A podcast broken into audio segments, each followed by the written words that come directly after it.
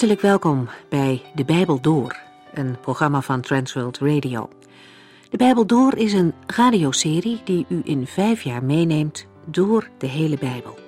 Van Genesis 1 tot Openbaring 22.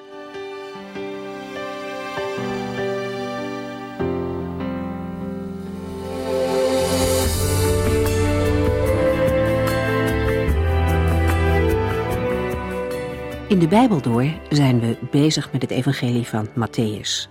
Vandaag hoofdstuk 2. Een van de belangrijkste onderwerpen van de vorige keer was het feit dat de Heer Jezus geboren is uit een maagd. Matthäus begint zijn evangelie met een geslachtsregister, waarin steeds de zin Hij was de vader van voorkomt.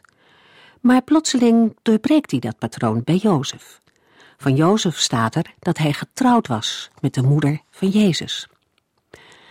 De Bijbel laat volstrekt geen onduidelijkheid bestaan over het feit dat de Heer Jezus de Zoon van God was. Hij is bij Maria verwekt door de Heilige Geest. Nou is dat voor ons mensen niet zomaar te begrijpen of te verklaren. Maar dat betekent niet dat God het niet kan doen. En het is voor ons belangrijk om te geloven dat God op deze manier naar de mensen toegekomen is. God, de schepper, gebruikt natuurwetten, maar als bedenker en maker is hij ook degene die ze weer terzijde kan schuiven. Hij kan het op zijn eigen manier doen. Het is belangrijk om te geloven dat Jezus uit een maagd geboren is, want als hij een mens was zoals wij, zou hij niet in staat geweest zijn om de mensen te verlossen van de zonde. Maar hij is Immanuel, God met ons. Hij is God die mens werd. En wanneer we de maagdelijke geboorte van Christus ontkennen, dan raakt dat het wezenlijke deel van ons christelijk geloof. Het valt verder op dat juist Matthäus veel aandacht heeft voor de woorden van de profeten in het Oude Testament, die ze al gesproken hebben over de komst van de Messias. Vaak laat hij zien dat die profetieën betrekking hebben op de Heer Jezus. En dat is vooral voor de Joden belangrijk. Het toont aan dat de Messias gekomen is. En niet voor niets hebben de profetieën juist in dit evangelie, dat zich specifiek tot de Joden richt, een hele belangrijke plaats. Vandaag komen in Matthäus 2 al een paar profetieën aan de orde.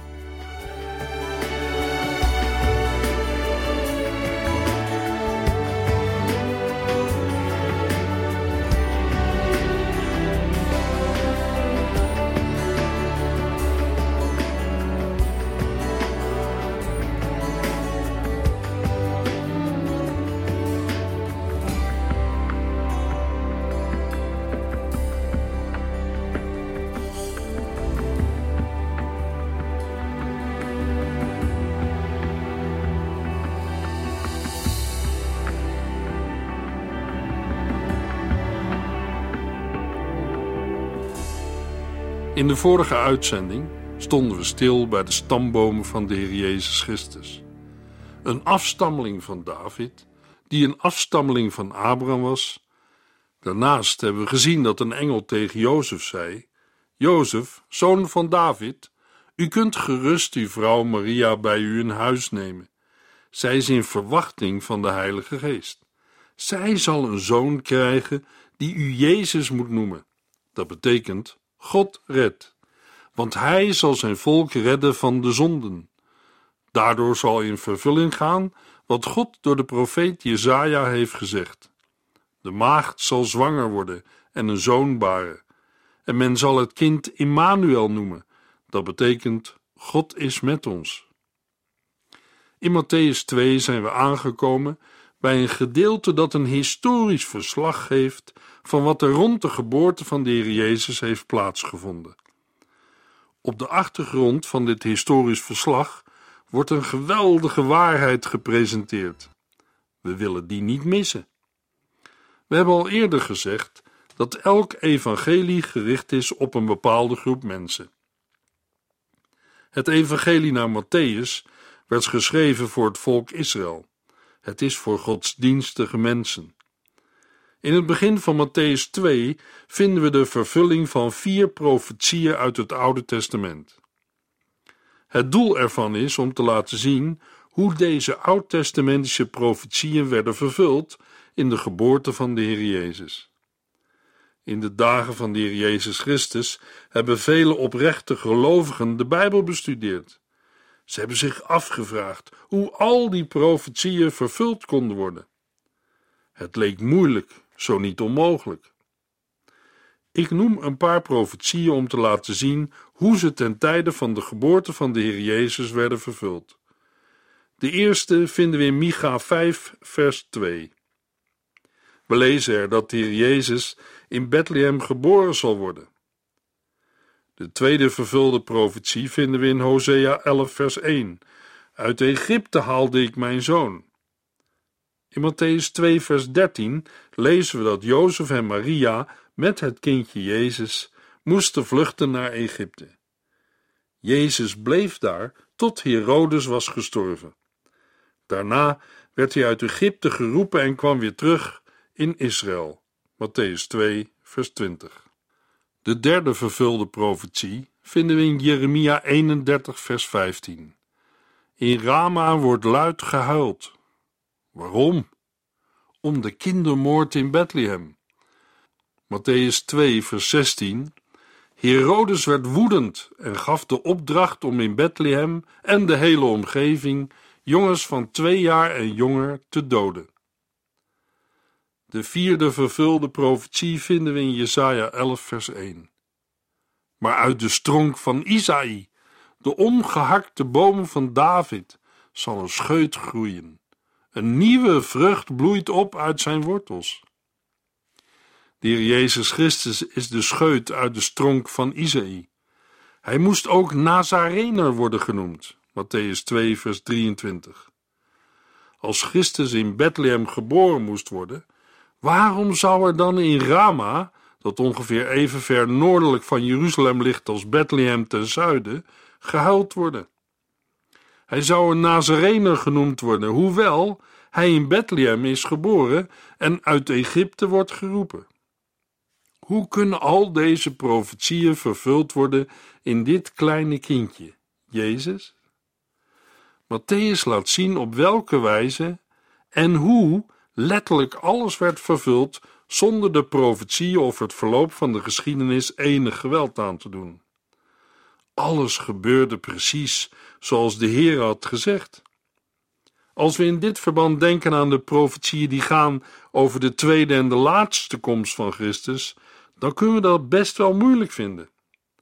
Het valt nog niet mee om de verschillende lagen in de vervulling van een profetie te ontdekken. Een profetie moet in de tijd zichzelf uitleggen. Aan de andere kant denk ik dat we een tijd van vervulling naderen. Daarin zullen we merken, net als bij de geboorte van Jezus Christus, dat het verloop van de gebeurtenissen vaak op een gewone en natuurlijke wijze plaatsvindt. Voor het menselijk oog en verstand ziet het er voor ons vaak uit als een legpuzzel, maar voor de Heer niet. Als we in Zijn aanwezigheid komen en alles vervuld zal zijn, dan zullen we net als bij Zijn eerste komst terugkijken op een natuurlijk verloop van de dingen die zijn voorzegd. Ieder stukje in de puzzel zal op zijn plaats komen, en we zullen ons afvragen waarom we er toen blind voor waren. Matthäus 2, vers 1. Jezus werd geboren in Bethlehem in de provincie Judea. Koning Herodes was toen aan het bewind. In dezelfde tijd kwamen er enkele magiërs uit het oosten naar Jeruzalem. De Jezus werd in vijf of vier voor Christus geboren. Dat klinkt vreemd, maar onze jaartelling berust op een foutieve berekening, waardoor ongeveer vier jaar wordt gemist.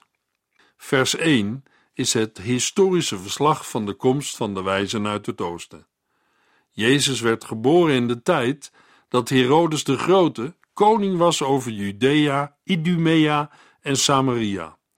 Dat was van 40 voor Christus tot 4 voor Christus. Eén ding wilde Herodes beslist niet, en dat was concurrentie. In feite was concurrentie het enige dat Herodes niet zou toestaan. En daarom was de komst van de wijze naar Jeruzalem voor hem een alarmsignaal. Wat hebben we gelezen over deze wijzen uit het oosten? In dezelfde tijd kwamen er drie magiërs uit het oosten naar Jeruzalem. Staat er in uw Bijbel bij hoeveel het er waren? Het antwoord zal nee zijn. Hoe zijn we dan aan het aantal van drie gekomen? Ik denk dat heel wat mensen meer over het kerstverhaal weten van kerstkaarten dan uit de Bijbel. Vaak hebben mensen heel wat andere beelden bij kerst in gedachten dan de Bijbel zelf doorgeeft. Ik noem er een paar en zal proberen ze recht te zetten. De eerste gaat over de drie wijzen uit het oosten. Nergens wordt ons verteld dat er maar drie wijzen waren. Ik weet niet hoeveel er waren. Maar ik betwijfel of drie wijzen Herodes en de hele stad Jeruzalem aan het schrikken hebben gebracht. Ik denk dat het er wel meer zijn geweest dan drie. Het waren waarschijnlijk Babylonische astrologen. Ze werden ook wel wijzen, Galdeën of magiërs genoemd. Deze wijzen uit het oosten kwamen blijkbaar uit verschillende gebieden. Ze hadden de sterren bestudeerd en toen er een nieuwe ster verscheen, bracht hen dat bij elkaar en trokken ze naar Jeruzalem. Matthäus 2, vers 2. Waar kunnen wij de pasgeboren koning van de Joden vinden? vroegen zij, want wij hebben een ster zien opgaan die daarop duidde. We zijn gekomen om hem eer te bewijzen. Ze waren op zoek naar een koning, en dat was het wat Herodes verontrustte. Immers, hij was de koning. We hebben een ster zien opgaan. In verhalen en gedichten wordt het de ster in het oosten genoemd. Maar ik vraag mij af of dat juist is. Als ze zijn ster in het oosten hebben gezien, zouden de wijzen tenslotte in India of China zijn terechtgekomen. De ster moet in het westen hebben gestaan. De wijzen kwamen toch uit het oosten? Hoe ter wereld verbonden zij een ster met een koning? En hoe komen ze dan op Israël? Wat we weten is dat er over dat deel van het oosten een profetie is uitgesproken. De profetie staat in nummer 24 en is door Biliam uitgesproken. Biliam sprak de profetie uit over het volk Israël. Nummer 24, vers 17. Ik zie hem, maar niet nu. Ik kijk naar hem, maar niet van dichtbij. Er stijgt een ster op uit Jacob en een scepter rijst op uit Israël. Deze heerser van Israël zal Moabs grenzen vernietigen. De profetie zegt dat er een ster uit Jacob zal komen, dat wil zeggen uit het volk Israël. En een scepter rijst op uit Israël. De ster en de scepter horen bij elkaar. Dit vers uit Numeri is de enige plaats waar ze samen in een profetie uit het Oude Testament voorkomen. De wijzen uit het oosten kenden die profetie. Dat deze Babylonische wijzen bezig waren met de geboorte van een Joodse koning, die ook voor hen van betekenis zou zijn, is niet vreemd. Vooral niet als we de profetieën en visioenen van Daniel lezen. Daarbij zullen we ook moeten bedenken dat Daniel hoofd was van alle wijze mannen in Babel. Daniel 2, vers 48. Ze kwamen uit Babylonië om een koning te zoeken. Jeruzalem was in rep en roer. Koning Herodes raakte in paniek. Matthäus 2, vers 3. Toen koning Herodes dit hoorde, schrok hij erg en de hele stad met hem. Herodes wilde er meer over weten. En het gaat hier om Herodes de Grote, een heel bijgelovige man. Ik hoop dat u een goede Bijbelse encyclopedie hebt en de tijd wilt nemen om eens wat meer over Herodes en zijn familie te lezen. Het waren tirannen die over lijken gingen om hun doel te bereiken. Ze lijken wel wat op het huis van de Medici, een bankiersgeslacht uit Florence in Italië. Herodes de Grote was een grote moordenaar. De Joodse geschiedschrijver Flavius Josephus vertelt dat Herodes drie van zijn eigen zonen liet doden met 300 aanhangers. Daarnaast vele fariseërs, voorname Joden en ook zijn eigen hoogste hofbeambten. Josephus noemt de kindermoord in Bethlehem niet. Herodes was een idumeer, die zijn positie van de Romeinse regering had gekocht. Hij kwam helemaal niet uit Israël. Hij was zeker van plan om degene die een concurrent voor zijn troon zou zijn, uit de weg te ruimen. Matthäus 2, vers 4. Hij riep de leidende priesters en de Bijbelgeleerden bijeen en vroeg of zij wisten waar de Christus zou worden geboren. Herodes nodigde hen niet uit voor een gesprek.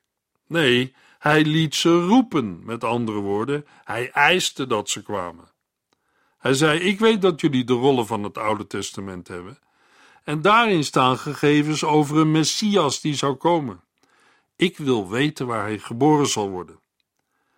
Typisch dat Herodes plotseling belangstelling voor de Bijbel heeft.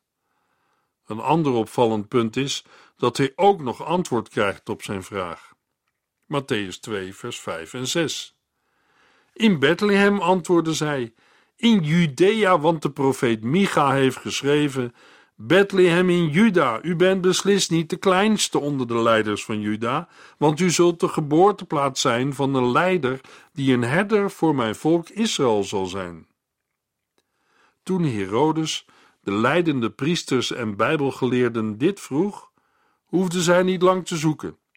Ze wisten precies waar het in het Oude Testament stond. Micha 5 vers 2. Ze kenden het uit hun hoofd, ze konden het citeren. Ze wisten alles over de komende Messias. Het probleem met de leidende priesters en bijbelgeleerden was dat hun kennis meer verstandelijk was dan dat ze het met hun hart beleefden. Persoonlijk betekende het voor hen niets. Ze waren voorbeelden van mensen die de Bijbel wel kennen en er ook best wel veel van afwisten, maar voor wie de inhoud geen persoonlijke betekenis heeft. Aangezien de leidende priesters en bijbelgeleerden het Oude Testament zo goed kenden, zou je gedacht hebben dat ze naar de wijze toe waren gegaan en hadden gezegd: Mogen wij met jullie mee? Wij zijn ook op zoek naar de Messias. En als je dat vandaag zou vragen, hoeveel mensen zien vandaag uit naar de komst van de Heer Jezus Christus? Een mens kan erover praten, de profetieën bestuderen, maar zou u hem echt willen zien?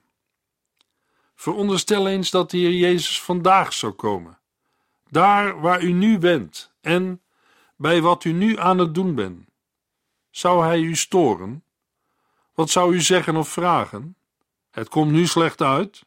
Kunt u niet een andere keer komen? Herodes wilde alles weten en kreeg zijn antwoorden van de leidende priesters en bijbelgeleerden. Matthäus 2, vers 7. Herodes liet de magiërs in het geheim bij zich komen, nadat hij precies had uitgezocht wanneer zij de ster voor het eerst hadden gezien, liet hij hen gaan en zei: Ik ga nu iets zeggen wat ik later meer zal onderbouwen. De ster was aan de nachtelijke hemel verschenen, een tijdje voordat de wijzen in Jeruzalem aankwamen. Laten we niet vergeten dat de wijzen de tocht met kamelen maakten en niet met een snelle auto of per vliegtuig. Ze kwamen van ver en dat betekent dat het een lange en moeizame tocht is geweest. Hoe lang zullen zij erover hebben gedaan? Mogelijk dat ze pas een jaar na de eerste verschijning van de ster in Jeruzalem aankwamen. Voor de wijze was het een serieuze zaak. Het was niet zoiets van: we gaan even voor een feestje naar Jeruzalem. Terwijl ze de vele en vermoeiende kilometers aflegden, hielden ze vast aan de hoop dat ze de nieuwgeboren koning zouden zien en dat ze hem hun geschenken konden geven. Het is opvallend dat Herodes de wijze uithoorde over het tijdstip van verschijning van de ster. Houdt u dat in gedachten? Het zal later een belangrijk feit blijken te zijn in de geschiedenis. Herodes stuurde de wijze, op advies van leidende priesters en bijbelgeleerden, naar Bethlehem. Matthäus 2, vers 8. Ga naar Bethlehem en zoek het kind. Als u het hebt gevonden, kom dan terug om mij er alles over te vertellen, want ik wil hem ook eer gaan bewijzen. Herodes is zo listig als een slang. En dat is nu ook precies wat hij was. Veronderstel dat hij had gezegd: Als er een koning hier in de buurt is geboren, dan wil ik het weten, want dan zal ik hem uit de weg ruimen. Ook al had hij daarna direct zijn soldaten naar Bethlehem gestuurd, dan kan ik je verzekeren dat hij het kind nooit had gevonden. Iedereen zou toch meegeholpen hebben om alle baby's te verbergen? Nee, Herodes was een sluwe vos. Hij wist dat het beter was en ook de beste manier om de wijzen het kind te laten vinden. Via hen zou Herodes erachter komen waar hij het kind kon vinden. Ja, hij zei wel dat hij erheen wilde om hem eer te bewijzen, maar wat hij echt wilde was zijn troon veilig stellen door het kind te doden. Matthäus 2, vers 9 en 10. Nadat ze de koning hadden aangehoord, reisden de magiërs verder. Tot hun verrassing ging de ster, die ze hadden zien opgaan, voor en uit en bleef stilstaan boven het huis waar het kind zich bevond. Toen ze dat zagen, werden ze enorm blij. Nu verschijnt de ster opnieuw. Een vergelijking van de versen 2, 7 en 9 laat zien dat de wijzen de ster thuis hadden gezien en dat ze haar weer zagen op het moment dat ze uit Jeruzalem vertrokken. Wat de wijzen precies aan de hemel hebben gezien, is een vraag waar door de eeuwen heen veel over is gespeculeerd. Het meest geliefd is de opvatting van Kepler uit 1606. Een bepaalde stand van de planeten Jupiter is de koningsster en Saturnus is de ster van de Sabbat en dus van het Joodse land, zou de wijze hebben geleid tot de opvatting dat de koning der Joden was geboren. Hoe dit ook zijn mogen, Matthäus vertelt ons er niets over. Matthäus maakt duidelijk dat de wijze de lange, vermoeiende reis om de koning der Joden te vinden in vol vertrouwen maakte. Hun ijver en geloof vormen een wonderlijke tegenstelling tot de onverschilligheid die we vinden bij de Joodse priesters en Bijbelgeleerden. Daarnaast laat Matthäus duidelijk uitkomen: de waarheid van de astrologische wetenschap wordt niet ontkend, dat het de Bijbel is, en met name het Oude Testament, die de wijze op het goede spoor zetten. In Jeruzalem schijnt Herodes de enige te zijn die werkelijk gelooft wat de wijzen vertellen. Herodes neemt zijn maatregelen. Herodes hoort de wijze nauwkeurig uit over de tijd dat de ster aan hen is verschenen. Waarom? Zo kon hij de leeftijd van het kind vrij precies te weten komen. Matthäus 2, vers 11. Zij gingen naar binnen en vonden het kind en zijn moeder Maria. Vol eerbied knielden zij voor hem neer. Ze gaven hem kostbare geschenken: goud, wierook en mirre. In vers 9 hebben we gelezen: Tot hun verrassing ging de ster, die ze hadden zien opgaan, voor hen uit en bleef stilstaan boven het huis waar het kind zich bevond. Toen de wijzen aankwamen, lag het kindje Jezus niet meer in een stal achter een herberg. Ze waren naar een huis teruggegaan, omdat de inschrijving was afgerond en we al verder in de tijd zijn. Het kindje dat in de kribbe is geboren, is op dit moment waarschijnlijk minstens een jaar. In het begin konden Jozef en Maria een tijd lang ook niet met hem reizen. Mogelijk zou een reis het leven van het kleine kindje hebben bedreigd. Daarom bleven Jozef en Maria een tijdje in Bethlehem. Omdat die periode langer duurde dan een paar weken, waren ze naar een woning verhuisd. De ster bleef stilstaan boven het huis. Op veel kerstkaarten zien we de wijze in een stal, maar ze kwamen naar een huis. We lezen in vers 11: Vol eerbied knielden zij voor hem neer, zij gaven hem kostbare geschenken, goud, wierook en mirre. Opvallend. Toen de wijzen het jonge kind zagen bij Maria, zijn moeder, knielden ze vol eerbied neer en bewijzen hem eer. Als er ooit een moment is geweest waarop Maria eer zou mogen ontvangen, dan was het wel op dit moment. Moeder te mogen zijn van deze koning. Maar dat deden de wijzen niet. Ze kwamen immers voor de koning. Ze eerden hem en gaven hem hun kostbare geschenken: goud, wierook en mirre. Het huldigen van een koning met geschenken is een Oosterse gewoonte. In het Oude Testament vinden we verschillende voorbeelden van deze gewoonte terug. Wierook en mirre werden gegeven in verband met hun heerlijke geur. Het werd als parfum gebruikt, maar ook als medicijn, bijvoorbeeld in Marcus 15, vers 23. Het goud konden Jozef en Maria goed gebruiken in verband met hun aanstaande reis naar Egypte. Aan het eind van dit programma is het goed om nog even stil te staan bij de kostbare geschenken die de wijzen aan de Heer Jezus geven. Vooral in het licht van de tweede en de laatste komst van Christus. Het is heel boeiend om de feiten over zijn wederkomst te lezen, onder andere in Jesaja 60 vers 6. U zult grote aantallen kamelen zien komen, evenals dromedarissen uit Midjan en Seba en Eva, die goud en reukwerk brengen ter meerdere eer en glorie van God. Het eerste dat opvalt is dat er goud wordt genoemd en reukwerk. Dat is wierook, maar geen mirre. Wierook gaven ze vanwege de heiligheid en mirre vanwege het lijden van een kind, want mirre en lijden horen bij elkaar. Mirre werd ook gebruikt voor het salven van de doden. Het stond symbool voor lijden en dood. Toen Christus aan het kruis hing, gaven ze hem mirre opgelost in wijn. En nadat hij van het kruis was genomen, werd hij door Jozef van Arimathea en Nicodemus met honderd pond mirre en aloë bedekt. Waarom wordt er in Jesaja 60 niet gesproken over mirre?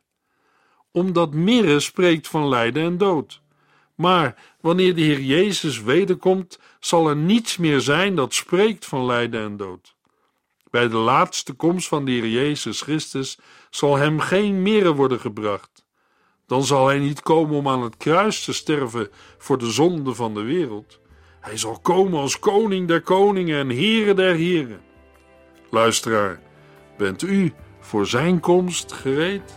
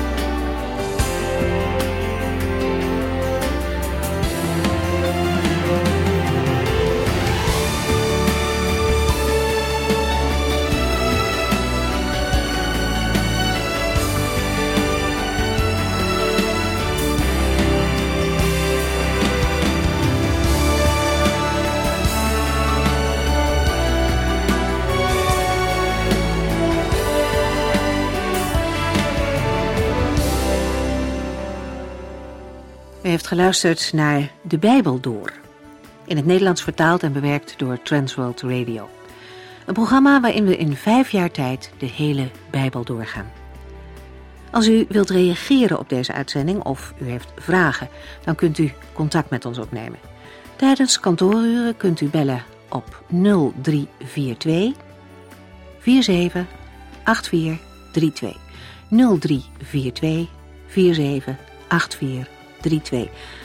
Ook kunt u een e-mail sturen naar de Bijbel door transworldradio.nl en natuurlijk kunt u ook via de post ons bereiken. TWR, postbus 371, postcode 3770, AJ in Barneveld. Dit programma werd gepresenteerd door Cor Weda en Ike André. Techniek was in handen van Odin van Woerdekom. En wij allemaal bedanken u voor het luisteren. Graag tot de volgende keer.